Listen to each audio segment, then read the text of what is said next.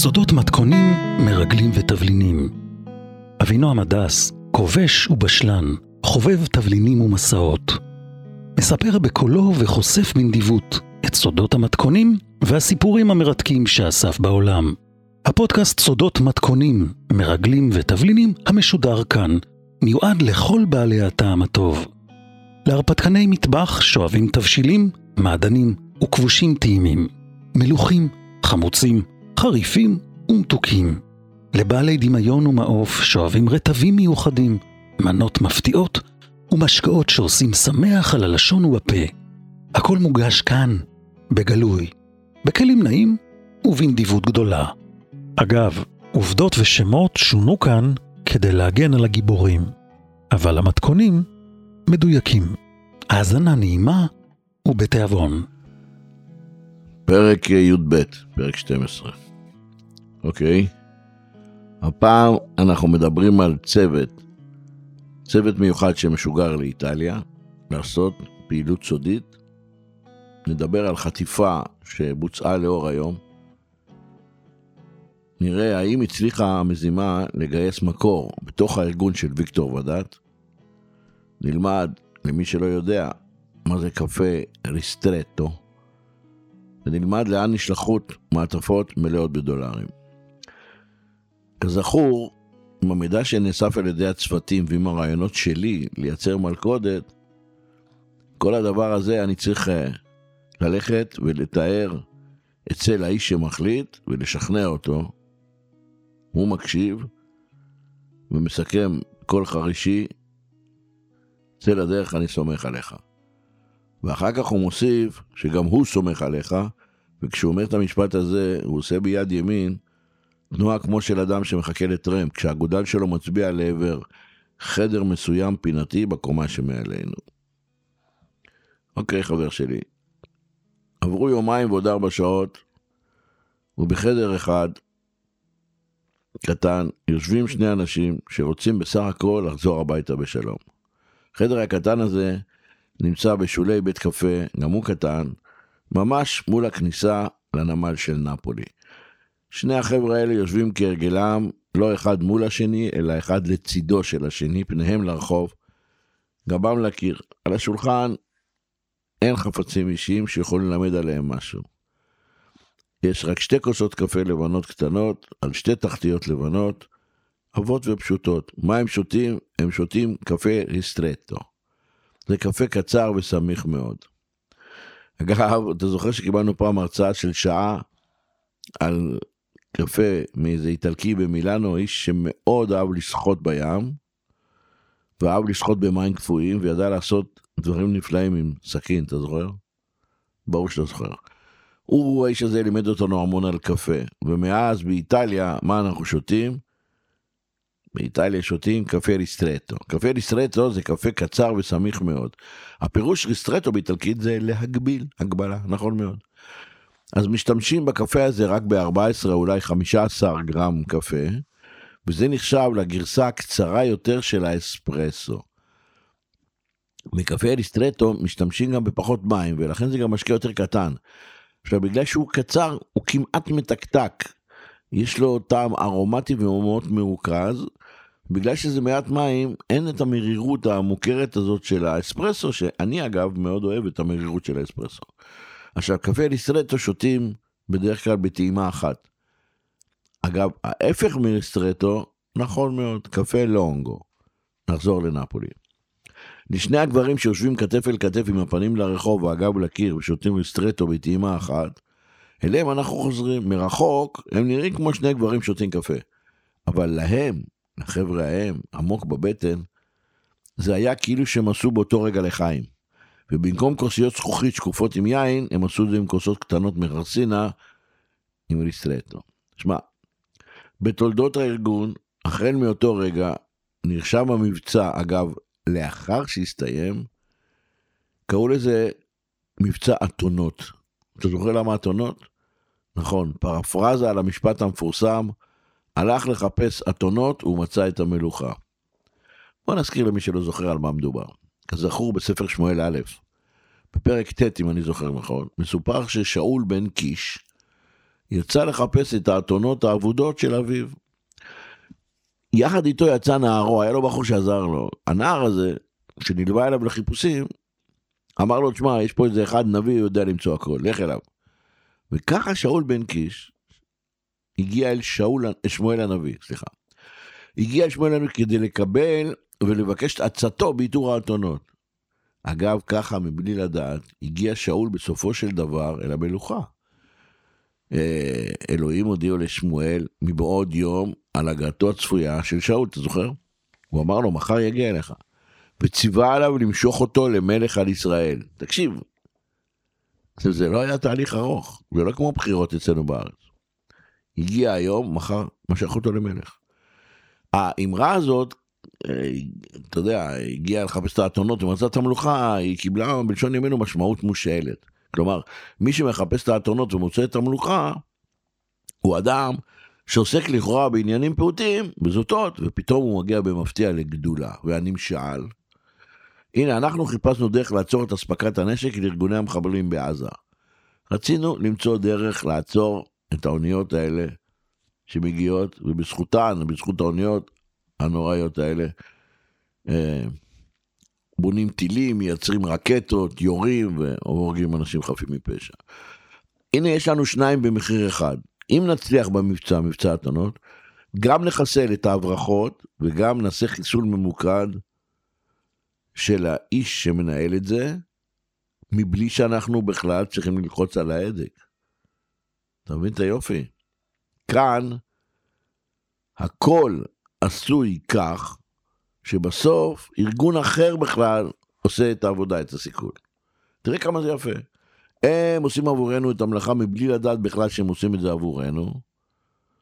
וגם יותר מזה, בזכות האתונות הצלחנו להשיג שיתוף פעולה חדש, אגב, מצוין, עם הראש החדש של שירות ביטחון של מדינה באסיה. גם סידרנו את הנקמה המתוקה לקוראי המחשבות, שזה בכלל השקעה מצוינת לטווח ארוך. ועכשיו, בואו נחזור לרובע הספרדי של נפולי. יש חשיבות לשם הזה. אתה יודע למה קוראים לרובע הזה בעיר איטלקית רובע ספרדי? בוא אני אספר לך. במאה ה-16, תקופה שכונתה אגב גם תקופת סגנון הברוק, איטליה חוותה מיתון כלכלי וירידה במעמדה. אוניות הסחר שעשו את איטליה עשירה, הם פתאום העדיפו את נתיב האוקיינוס האטלנטי במקום את נתיבי הים התיכון. באותם ימים, הדת הקתולית יצאה למאבק ברפורמציה. הדת הקתולית באיטליה מנעה את ההתפתחות של המדע וגרמה לקץ של ההובלה התרבותית של איטליה. התוצאה הייתה הידרדרות יציבה של איטליה, כלומר קבועה. באותם הימים נכבשו רוב המדינות הקטנות באירופה על ידי מעצמות זרות. בייחוד ספרד שהייתה אז בשיא כוחה. עכשיו הרובע, הרובע הספרדי של נפולי הוא בנוי לאורך הצד המזרחי של הרחוב המרכזי בנפולי שנקרא היום ויה טולדו. זה רחובות קטנים בשתי וערב, מדויק, שיוצר רשת מוגדרת היטב של רחובות, כולם נבנו במאה ה-16, בהנחייתו של מי?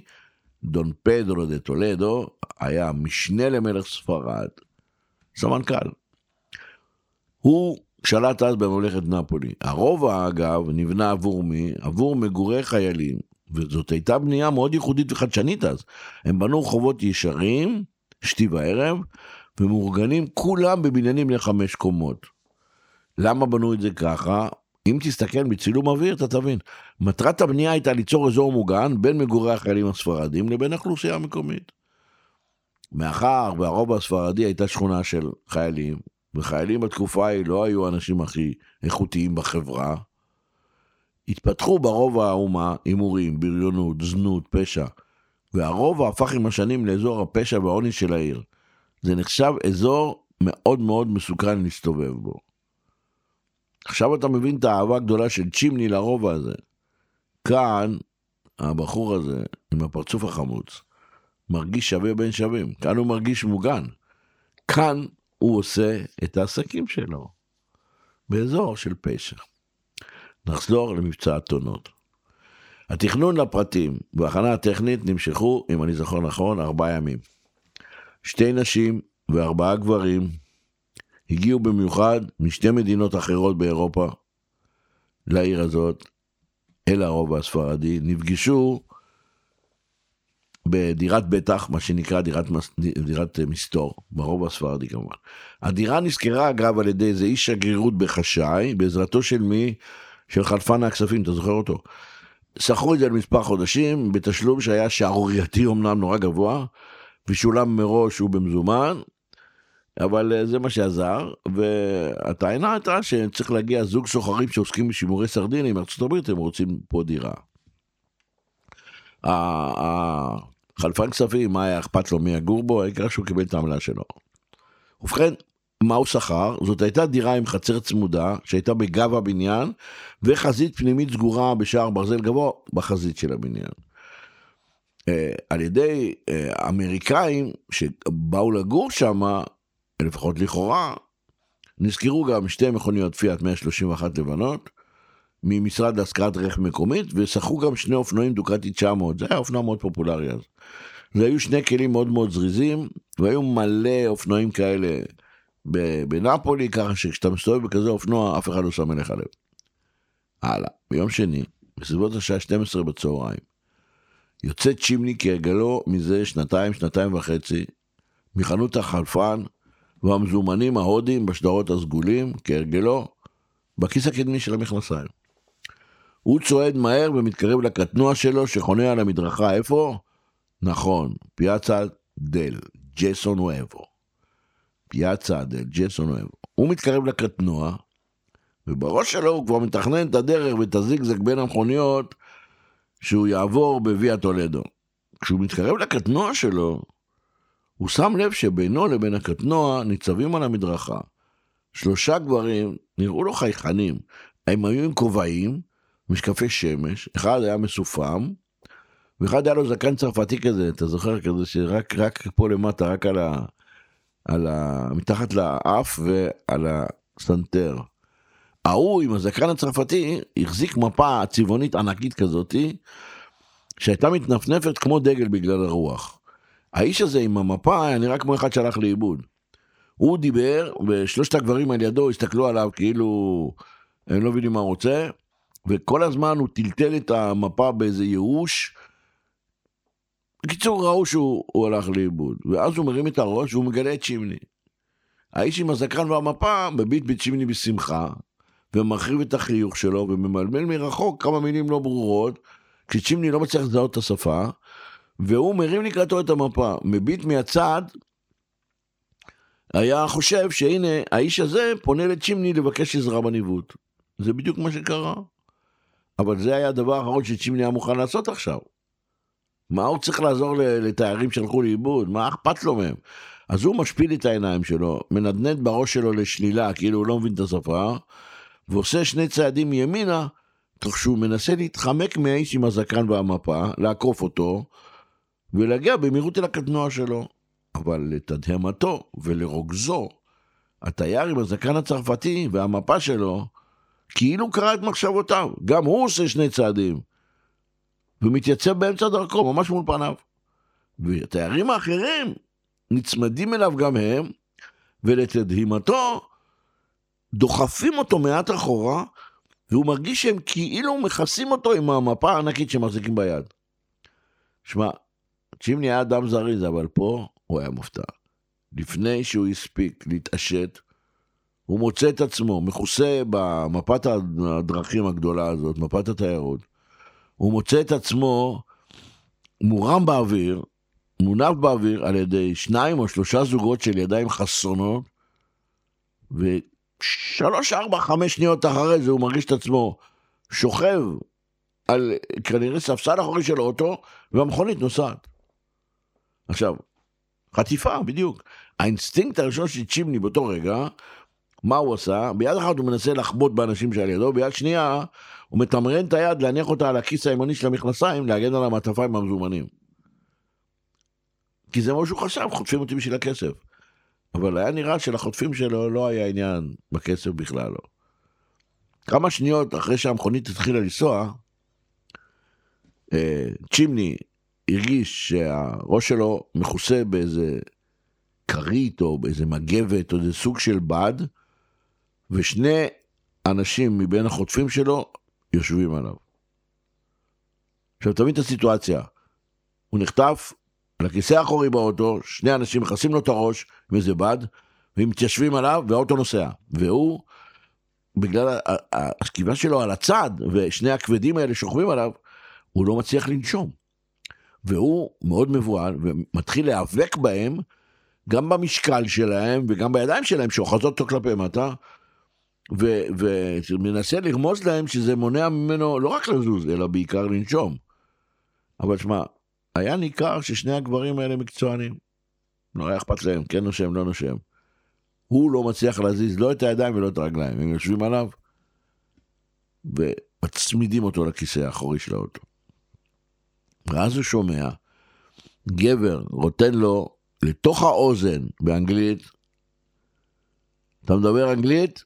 תהנהן. והוא עושה עם הראש כן, וההוא ממשיך, תשכב בשקט, לא יקרה לך כלום. מה שאנחנו רוצים זה רק לדבר איתך. עכשיו, צ'ימני מבוהל על גבול העילפון.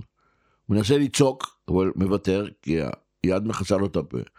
שוכב מתחת למשקל של שני הגברתנים האלה שעליו, מרגיש שהמכונית הנוסעת פונה ימינה ושמאלה, ימינה ושמאלה. בהתחלה הוא מנסה לזכור את הפניות כדי להבין ולזהות את הנסיעה, אבל כי הוא מכיר את האזור.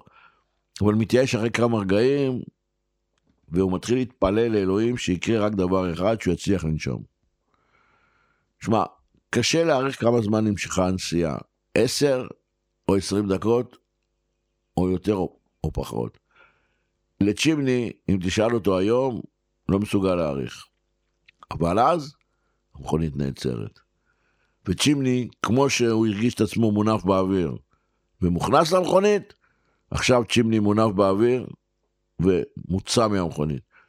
הוא ממש לוקחים אותו מעל הראש, כאילו איזה תיק גדול. הוא מטולטל בידיים חזקות, וכמה שניות אחרי זה, הוא מרגיש שסובבים אותו עם הראש כלפי מעלה והרגליים כלפי מטה, והוא מושב בחבטה עזה אל תוך כיסא, הכיסוי עדיין מכסה לו את הראש, אבל שתי הידיים שלו נמשכות אחורנית, הוא מרגיש את המשענת של הכיסא, הוא מרגיש שמצמידים לו לשתי הידיים אזיקים מפלסטיק, ושתי הרגליים שלו נקשרות כל אחת אל רגל אחרת של הכיסא. הוא מאוד מאוד מבוהל, אבל הוא סוף סוף יכול לחזור לנשום. הוא מבולבל לגמרי. הלב שלו דופק במהירות עצומה. זה היה קרה מכסה לו את הפנים מתחת לכיסוי. הוא קפוא מחרדה, והחרדה משתלטת עליו, והלב שלו דופק כמו משוגע. ואז, במשיכה חזקה, הכיסוי מורד לו מהעיניים, וגם אותה מפת תיירים שהייתה תכופה שם בין הפנים שלו לבין הכיסוי. והוא מנסה, לשווא אגב, להתרגל לאור החזק שמכה לו בעיניים. הוא קצת מופתע מהאור הזה, ואז הוא מבין שמישהו מסנוור אותו פשוט עם פנס. הוא מנסה לכסות את העיניים עם כף היד, אבל הוא שכח שהידיים שלו קשורות מאחורה, אז הוא עוצם חזק את העיניים ומנסה להציץ בין חרכי הפפיים, לראות מי עומד מולו, אבל הפנס מסנוור אותו, והוא מצליח לזהות לרגע אולי צלליות של שניים או שלושה או ארבעה אנשים. ואז אחד מהאנשים שעומדים מולו מעבר לפנס מתקרב אליו ולוחש לו באוזן שמאל, באנגלית במבטא אמריקאי ברור, שומע אותי טוב? תהנהן אם כן. וצ'ימני המבוהל מהנהן שוב בראש וכופה. והמארח שלו, במרכאות, ממשיך. מצוין. אני מרוצה. תשמע, יא ברנש, אנחנו מתעניינים במעורבות של מדינות מסוימות שפועלות לאחרונה באפריקה. אם אתה מבין מה אני אומר, תהנהן בראש, וצ'ימני מהנהן, והאיש הזה ממשיך. תירגע. הנה הכללים. אחד, לא נעשה לך שום דבר רע, לפחות בינתיים. שתיים, אנחנו יודעים הכל עליך ועל הכסף שאתה מקבל ושולח. אנחנו יודעים למי, אנחנו יודעים כמה. שלוש, הכסף שלך לא מעניין אותנו. יש לנו מספיק כסף. ארבע וחמש, הבוס שלך מעניין אותנו. העסק הקטן שלו בנשק, במקרה הזה. הלאה, אנחנו מייצגים מדינה גדולה, תאמין לי, גדולה. מעצמה. אתה יודע מה זה מעצמה? וצ'ימני מהנהן. והאיש ממשיך. האינטרסים שלנו הם הרבה הרבה מעל להבנה המוגבלת שלך. הבנת אותי, החיידק? תהנהן אם אתה מבין. אמרתי תהנהן. וצ'ימני חוזר ומהנהן בראש עמוקות ומתפלל למדונה שהכל ייגמר והוא יישאר בחיים עד כמה שניתן. והגבר ממשיך, הלאה. אני מתכוון לקוות, לקוות את הפנס המזוין הזה, ולנהל איתך שיחה כמו בין חברים. אתה מסוגל? אתה מבין אותי? תהנהן. וצ'ימני מזדרז ומהנהן. ולהפתעתו, כשהאור קבע, קבע, ופתאום זה לא מסנוור אותו, פתאום הוא מבין שעדיף דווקא שהוא לא יראה את הפנים של אלה שחטפו אותו, ולא שהוא כן יראה. ולכן, כמו שהאור כבה, הוא מוריד ישר את העיניים, משפיל את העיניים, מסתכל כלפי מטה. ולשמחתו, גם כשהאור המסנוור הזה קבע, קשה לו לזהות את הפנים של האנשים, כי יש עליהם מסכות מבד, כובעי בייסבול עם מצחיות ומשקפי שמש. והדובר, שממש צמוד אליו, ומדבר לו כל הזמן לאוזן שמאל, כשהוא מכופף מעליו, ממשיך לדבר לו ישר לתוך האוזן. אומר לו, תקשיב טוב, אנחנו נבנה לך סיפור, ונבנה לך הזדמנות, ואתה תדאג לחבר נציג שלנו עם הבוס שלך. אנחנו נבנה עבורך את ההזדמנות. אתה תחבר אותנו עם הבוס שלך, כדי שדרכו נוכל להגיע אל המנהיגים של המהפכה שמתארגנת באפריקה בימים האלה. הם האנשים שמעניינים אותנו, לא אתה, אתה מבין? אנחנו יודעים שהבוס שלך מסוגל לספק נשק למהפכה הזאת. מצידנו, שהבוס שלך ירוויח מיליונים. לא מעניין אותנו. מצידנו, שגם אתה תרוויח מיליונים. אתה יודע מה? יכול להיות שאפילו נעזור לך להרוויח מיליונים. תוכל להרוויח הרבה כסף. תרוויח המון, בתנאי שתפעל נכון ותעשה בדיוק מה שאני מבקש ממך. אתה מבין? אם אתה מבין, תהנהן. וצ'ימני מהנהן בנאמנות ובהסכמה מלאה, והאמריקאי עם המבטא הדרומי שלו ממשיך. מה שמעניין אותנו זה להגיע אל האדם והמדינה שמארגנים את המהפכה, אתה מבין? אותו אנחנו מחפשים. אתה רק פיון קטן, כלי קטן, אבל אתה יכול לעזור, ברור לך. תעזור לנו, תרוויח. תעשה טוב, תרוויח כסף. תעשה רע, לך יהיה רע. תעשה טוב, תרוויח חבילה גדולה ואהבה של דולרים. קפיש? אתה מבין? אם כן תהנהן, וצ'ימני מהנהן. ולפתע, מתוך האפלה, הוא רואה את האור. הוא מבין שכל העניין הזה, חטיפה לאור היום, והכסף שיש לו בכיס, כל העניין הזה שהיה נראה לו עד לפני רגע כאסון, פתאום הפך להזדמנות להרוויח. הדופק המטורף שלו מתחיל להירגע. הוא מבין שהחוטפים הם לא נגדו. הפחד מהאלימות של החוטפים עוד שם. החרדה שלו עוד שם. בדיוק כפי שאזיקי הידיים והרגליים שלו עוד שם. אבל תשמע, מצב רוח שלו, הוא מתחיל להתהפך. הוא כבר לא כל כך בפאניקה, הוא עדיין מעדיף להביט רק אל הרצפה, ולא לראות או לזהות את הפרצופים של החוטפים שלו, אבל כעת הוא הרבה פחות רועד, הנשימה שלו מתחילה לאט לאט להסתדר. החושים החדים שלו והיכולת שלו להסתגל במהירות למצבי לחץ, עוזרים לו להירגע. עכשיו, הוא מבין שמולו, האיש הזה שלוחש לו באוזן, זה אדם מנוסה, אדם חזק, החלט, החלטי ומעשי. וצ'ימני מבין שבעצם מוצעת לו כאן עסקה. החוקר שלו מתקרב אליו שוב, הצלית הגבוהה הגבוהה שלו מתכופפת אליו שוב, והוא לוחש ישר, ישר לתוך האוזן של צ'ימני. הכל עושה את זה בלחש. אנחנו יודעים מי אתה ומה אתה עושה, אנחנו יודעים מדוע וממי אתה מקבל את הכסף שאתה שולח להודו. הוא אומר לו, אנחנו יודעים שאתה מקבל את הכסף מאיש של הפת"ח הפלסטיני. תהנהן שאתה מאשר. תשמע, צ'ימני היה עמום מהמידע שנחשף ו... והוא מהנהן עם הראש. מאיפה הם יודעים שהוא מקבל את הכסף הזה מאיש פת"ח? והחוקר ממשיך.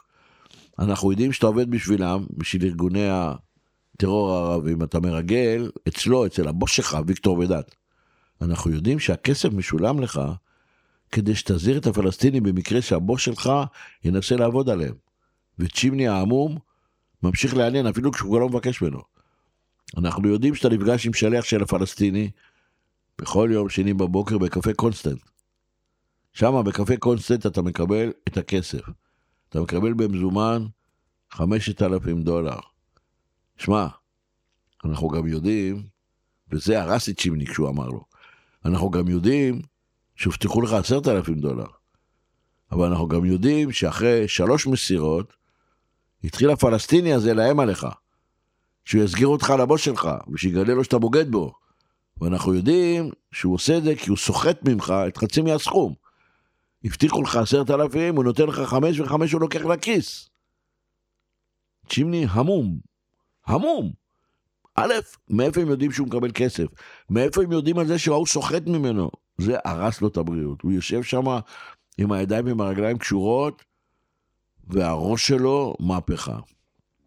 המחשבה הזאת, פתח מירכאות, וואלה, האמריקאים האלה יודעים הכל. סגור אה, מירכאות. המחשבה הזאת עוברת לו בראש, והוא ממשיך להנהן בהסכמה, כן, כן, כן, למרות שהחוקר שלו כבר מזמן לא מבקש ממנו להנהן. עכשיו בוא רגע נעשה סדר, בסדר? בוא נעשה סדר. מה אנחנו יודעים, איך אנחנו יודעים, ממתי אנחנו יודעים. אוקיי. את המידע על התשלום של הדולרים לצ'ימני, כסף שמגיע מארגון הפת"ח בג'נין, על המידע הזה עלינו במקרה. עבודה של שב"כ, שירות ביטחון כללי. השירות, כמו כל ארגון ביון נגדי, מחפש ועוקב כל העת לפי מקורות זרים. אחרי העברות של כסף, בסכומים זהים, במועדים קבועים, ליעדים שיש לנו עניין בהם מיוחד. יש פתגם עתיק שאומר, follow the money, תעקוב אחרי הכסף. מרגלים, סוכנים, מפעילים שלהם, זקוקים למימון. כסף הוא מוטיב מרכזי בעבודת המודיעין. הכסף הוא קו חמצן, זה הדלק שמניע. מרגל זקוק לכסף, הרבה כסף. הוא צריך לממן מגורים, מזון, תשלומי שוחד, נסיעות, מעברים, תנועה, אמצעים טכנולוגיים, רמת חיים, הכל בהתאם לסיפור הכיסוי שלו. אז אלה שמבצעים את המימון של המרגלים והסוכנים, זקוקים לכלי שיעביר את הכסף. לכאורה, אין קשר ישיר בין הסוכן המרגל, מצד אחד, וה, והמדינה או הארגון שהוא עובד בשבילם מצד שני, אחרת הוא לא היה מרגל. אז צריך איזה דרך וכלי איך להעביר את הכסף. תמצא את הדרך של הכסף, תמצא את הסוכן או את המפעיל שלו. ברוב המקרים, את שניהם. סוכן זה צד אחד, כן? והמפעיל זה בצד שני. נכון, המרדף אחרי הכסף הוא דומה למרדף אחרי הטרוריסט, זה עבודה כמעט סיזיפית, בלתי נגמרת. עבודה קשה, אבל משתלמת. follow the money. תמצא את הכסף, מצאת את המרגל. במקרה הספציפי הזה, ידענו על סוכנים ופעילים של ארגוני טרור פלסטינים שפעלו בגרמניה, איטליה, צרפת, בלגיה, יוון, קפריסין. אוקיי? ידענו על סוכנים שמופעלים על ידי ארגוני טרור פלסטינים בגרמניה, איטליה, צרפת, בלגיה, יוון וקפריסין. הנציגים האלה, הטרוריסטים של, הנציגים הטרוריסטים של ארגוני הטרור, הם מרבים להסתתר איפה? בתוך קהילות מוסלמיות, בערים גדולות, באירופה, וכאלה יש מספיק. למה? כי משם, מתוך הקהילה של המרגלים המוסלמים, המהגרים המוסלמים, בדרך כלל הם יכולים לעבוד בקלות, למה? כי זאת קהילה חלשה, בדרך כלל ענייה. וכשיש לך קהילה חלשה וענייה, ולך יש כסף, קל לך לפעול. קל לגייס מהם משת"פים, קל לצאת כדי לבצע פעילות טרור, חבלה, רצח נגד ישראלים, נגד יהודים, ואז לסגת בחזרה לתוך המסתור המחבק והמגונן של הקהילה המוסלמית המקומית. את המשת"פים, דרך אגב, את המשתפי הפעולה, הם מגייסים בעזרת, בעזרת אידיאולוגיה, בחסות האמונה והדת, באמצעות איומים או באמצעות כסף, תשלומים. ואז כל האמצעים כשרים. מצחיק, אה? כשרים, כן, ערבים וכשרים. אוקיי, איזה כשרות זאת? כשרות חלק, אתה יודע, לא כשרות בד"ץ. נכון, כשרות חלק זה כשרות של המוסלמים. הלאה, כאמור, כשעלינו על רשת של סוכנים, של ארגוני טרור פלסטינים במערב ודרום אירופה, איך עשינו את זה? הכל בזכות בנקאי אחד, גבר מבוגר, על גבול פרישה לגמלאות, אדם משכיל ואיש משפחה. האדם הזה, בוא נקרא לו, לצורך העניין, YS, בסדר? זה ראשי תיבות של השם. הוא שימש בתפקיד ניהולי, איפה? בסניף של בנק בינלאומי שפועל בעיר איזמיר בטורקיה. אוקיי? זה היה אדם חד חושים וחד עין, שתוך כדי זה שהוא מנהל את הסניף, פתאום הוא גילה שיש לכאורה איזה ערוץ שמעביר סכומי כסף בגודל קטן ובינוני, בתדירות קבועה, לקבוצה גדולה של חשבונות שמפוזרים במספר מדינות באירופה. היה נראה לו כאילו משלמים למישהו משכורות. עכשיו, לכאורה זה פעילות בנקאית רגילה. אבל מה שמשך את תשומת ליבו של הבנקאי הזה באזמיר, הייתה העובדה שהמשלם, זה ששולח את הכסף, הוא עסק לחומרי חשמל וכלי בית בעיר ערבית מסוימת בצפון הגדה המערבית, נגיד ג'נין, אבל זה לא כך חשוב. עכשיו, הוא דובר ערבית, הוא ידע לעקוב אחרי המעבר הזה של הכסף, החודשי, הוא גם ידע לזהות את השם של החברה ששולחת את הכסף. זה מה שהדליק לו את המנורה האדומה, הוא אמר, תשמע, לעסק כזה, כך הוא חשב לעצמו, הדבר האחרון שמתאים לו זה לשלם משכורת ל-25 אנשים בשש מדינות באירופה, זה לא הגיוני. חנות בג'נין משלמת משכורות לסוכני מכירות באירופה? לא הגיוני.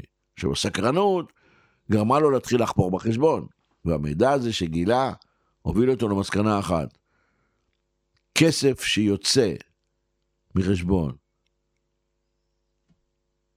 בתשלום עמלות ללא כניסת מחזורי מכירות מעיד לחלוטין על הלבנת כסף למשלמים.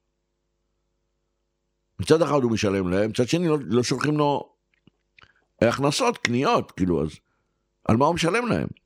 עכשיו, כדאי לציין עוד עובדה חשובה. הבנקאי הזה, YS, הוא אדם שגילה פתאום את מה? את היהדות שלו, אחרי שהסתיר אותו במשך שנים.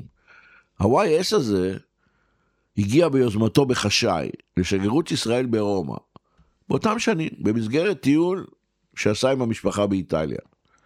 בשגרירות ישראל הוא השאיר את המשפחה במלון, נסע לשגרירות ישראל, פנה שם על הפקידה באולם הקבלה, הזדהה, הראה לה את הדרכון שלו וביקש להיפגש עם איש שעוסק בביטחון או במודיעין. אגב, בשגרירות אה, ישראל באיטליה אז, גבר אחד חכם ששירת שם באותם ימים, והיה באותו יום במקרה בבניין, נקרא לו א', ואני מאמין שאתה מכיר אותו היטב. האיש הזה פגש את הבנקאי והבין מיד איזה אוצר נפל לו לידיים. אז אה, אחרי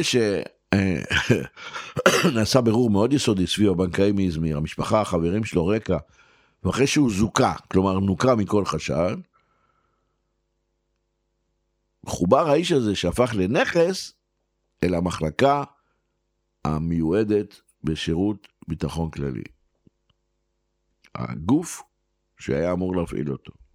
נקבעו איתו נוהלי עבודה, אמצעי ביטחון, קודים, דרכי קשר, והמידע התחיל לזרום. כל דבר שהבנקאי הזה ידע על תשלומי החשבונות האלה, זרם ישר לתל אביב. מה שהתקבל נבדק שם בקפדנות ובחשאי. עובדות שהתקבלו הוצלבו, נבדקו עם אה, מספר מקורות, כן, לא מקור אחד. שמע, החבר שלי, האור במחלקה שם דלק עד מאוחר במשך הרבה לילות רצופים. האם בזכות המידע שהבנקאי הזה הביא נפתחו הרבה דלתות? האם נפתרו הרבה תעלומות? האם נחסך דם רב של חפים מפשע? תשובה כן. שמע, אתה זוכר, סיפרתי לך סיפור שקראתי לו על טרור ועל שביל של כסף, שווארמה של טורקים ויוגורט יווני, אתה זוכר? זה היה סיפור מספר שלוש. יופי שאתה זוכר, מצוין. שם בפעם הראשונה סיפרתי על המקור הזה בבנק באזמיר, בטורקיה. והבטחתי לך שאני אפרט על זה. הנה, הבטחתי, אני מקיים. עכשיו בוא תשמע על מה שהצלחנו. הצלחנו להוציא מצ'ימני טונות של מידע. תדמיין, צ'ימני יושב, קשור באזיקים ברגליים ובידיים לכיסא, והפה שלו לא מפסיק לדבר. והנה הוא מייצר לנו תפנית ענקית בעלילה, ותגלית שמטלטלת ומרימה לנו פנס ענקי שמאיר על תעלומת הברחות אוניות הנשק. זה מתי נשמע? נכון, בפרק הבא, פרק י"ג, שהשם שלו סוף דבר. ואתה ידידי שיושב כאן לידי ומקשיב וגם עוזר לי להיזכר, אני מודה לך מאוד. תשמור על עצמך תמיד. ולמאזינים אני אומר, תודה על ההאזנה, תעשו המלצה, לייק, אם הסיפורים מוצאים חן בעיניכם. תעשו מינוי כדי שתוכלו לקבל תזכורת כל פעם שאני מעלה פרק. ואם בא לכם, תשלחו לי איזה וואטסאפ עם מחמאה או חוות דעת על הפודקאסט. ועד הפרק הבא, פרק י"ג, שהוא הפרק האחרון, תודה רבה לכם, ולהתראות.